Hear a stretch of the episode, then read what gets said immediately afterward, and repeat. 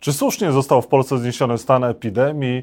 Czy nie mamy się już czego bać, a może czekają nas kolejne mutacje e, COVID-u? I co nas czeka po wakacjach? O tym między innymi dzisiaj w programie Rzecz o Polityce. Jacek Dzienkiewicz, zapraszam.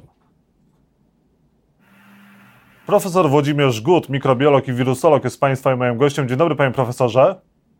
Dzień dobry Państwu. Czy słusznie został zniesiony w Polsce stan epidemii? No, w stosunku do tego, co się działo, e, osiągnęliśmy dość interesujący spadek e, zachorowań.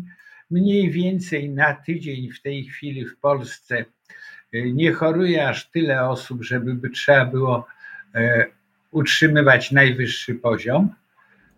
Przechodzimy do tak zwanej fazy endemii. To jest skutek kilku procesów. Po pierwsze, w najmniejszym stopniu, bo akurat tutaj nie mamy się czym pochwalić, to jest sprawa szczepień.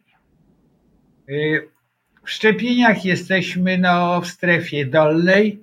Y, mniej więcej 100 osób otrzymało 143 dawki, czyli w zasadzie około 60% osób otrzymało szczepionki, 40% nie, ale były zaniżone dane o zachorowaniach, więc kontakt z wirusem miały już ponad 90% ludzi. W tym momencie liczba zachorowań spada, bo tu trzeba wyraźnie powiedzieć, ani szczepienie, ani przechorowanie nie chroni przed powtórnym zakażeniem. A czy my już dzisiaj jesteśmy bezpieczni od e, koronawirusa? To znaczy będziemy mieli stały poziom jakichś zachorowań na koronawirusa, więc e, porównanie do lat przed pojawieniem się jest bezsensowne. Będzie po prostu cały czas utrzymywał się w populacji, zwłaszcza, że dochodzi mniej więcej 350-380 tysięcy nowych obiektów co roku. Mhm. A testowanie w Polsce, jak ono przebiegało w ostatnich e, tygodniach i miesiącach? Czy to testowanie było na e, niższym poziomie niż wcześniej? E, no, testowanie jest wynikiem kierowania na badania, bo o testach domowych nie mówimy, bo nikt ich nie jest w stanie sprawdzić i zarejestrować. Na razie nie jest zła sytuacja. Odsetek wyników dodatnich w puli jest poniżej 20%. To jest ważny wskaźnik, a był w pewnych momentach 50%, to znaczyło, że bardzo wiele przypadków nam umyka. Można powiedzieć, że jeżeli zarejestrowaliśmy 6 milionów zachorowań, to było ich około 10-12. Mhm. E, panie profesorze, jeżeli chodzi o e, liczbę szczepień, czy ona będzie wzrastać, czy powinna wzrastać po tym, jak też e, przyjeżdżają do Polski no, goście z Ukrainy? Bo wiemy, że na Ukrainie no, ze szczepieniami jest, był pewien problem. No, tam były okresy, kiedy w ogóle był upadek szczepień, ale nie w tym jest problem. Weszliśmy w fazę, kiedy większość populacji, mówię o populacji polskiej, miała kontakt z wirusem. Przyjazd tych osób to jest problem bardziej w tej chwili dla nich, e, ponieważ e, no, jeżeli nie są odpornieni, mają szansę zachorować, ale szczepienia należałoby im udostępnić. Mhm.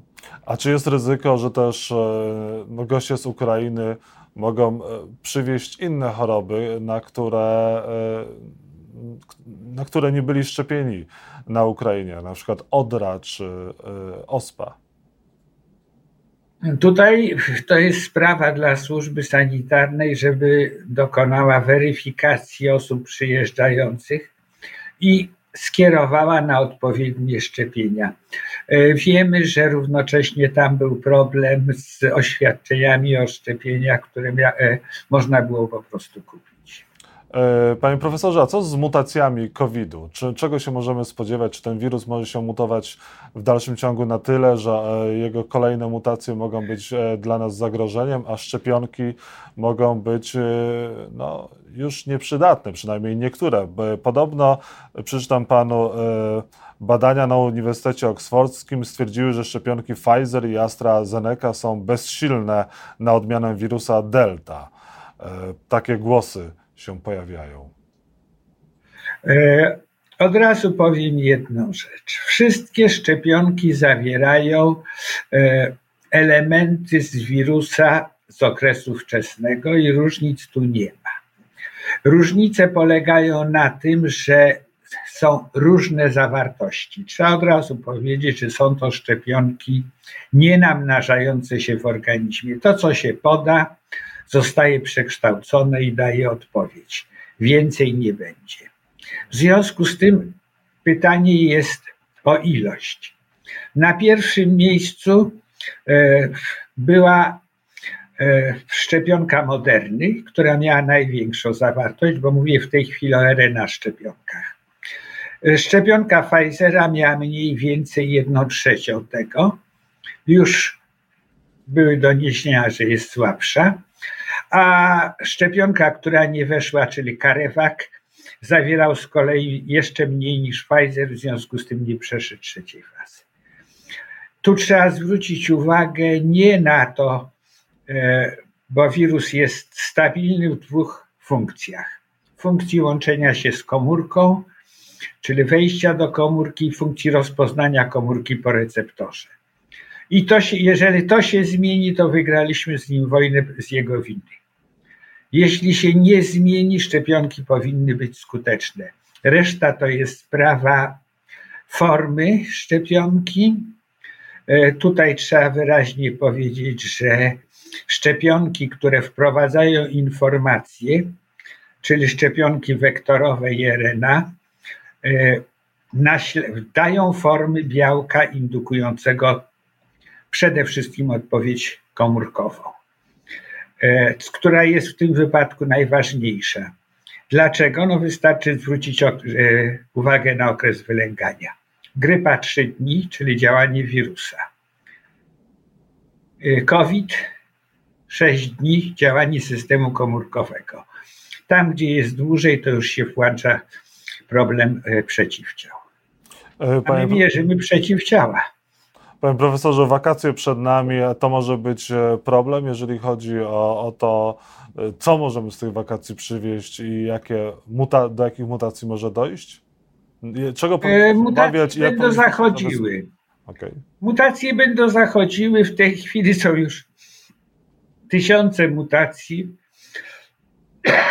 Część regionalna, część rozpełzła po świecie, ale to już są inne historie nie, jeżeli się zmienią te dwa miejsca, to jeśli nie uzyska nowego receptora, szczepionki będą działały. Z tym, że trzeba powiedzieć, ponieważ są skończone, będą potrzebne po jakimś okresie, nie wiemy dokładnie jakim, dodatkowe dawki szczepionki. Mhm. Możemy porównać z innymi, na przykład z kleszczowym, gdzie wiadomo, że trzeba dać dwie, trzy dawki i co pięć lat podawać następną. Ile tych dawek my będziemy musieli przyjąć jeszcze na COVID? E, no, jeżeli ustalimy, że przymus będzie co 5 lat, to można sobie policzyć w zależności od tego, kto jest w jakim wieku. Mhm. Jeżeli będzie dłuższy okres, bardzo dobrze. Na ten rzecz też szczepimy się wielokrotnie, bo to jest ten sam typ, kiedy szczepionka po prostu indukuje odporność, ale nie daje tego procesu powielania, jak gdyby. Panie profesorze, a jest ryzyko kolejnej fali pandemii jesienią? E, przy tym poziomie, e, to ładnie tak się nazywa, odporności populacyjnej czy statnej, wzrost zachorowań po powrocie z, obszar, z obszarów, gdzie występują, na szczęście w Europie w niewielu, w tej chwili Finlandia ma problem, istnieje możliwość wzrostu, ale to nie będą już takie wzrosty, jakie obserwowaliśmy w populacji, która nie miała kontaktu z wirusem. Profesor Włodzimierz Gud był Państwa i moim gościem. Bardzo dziękuję za rozmowę, Panie Profesorze. Dziękuję, kłaniam się.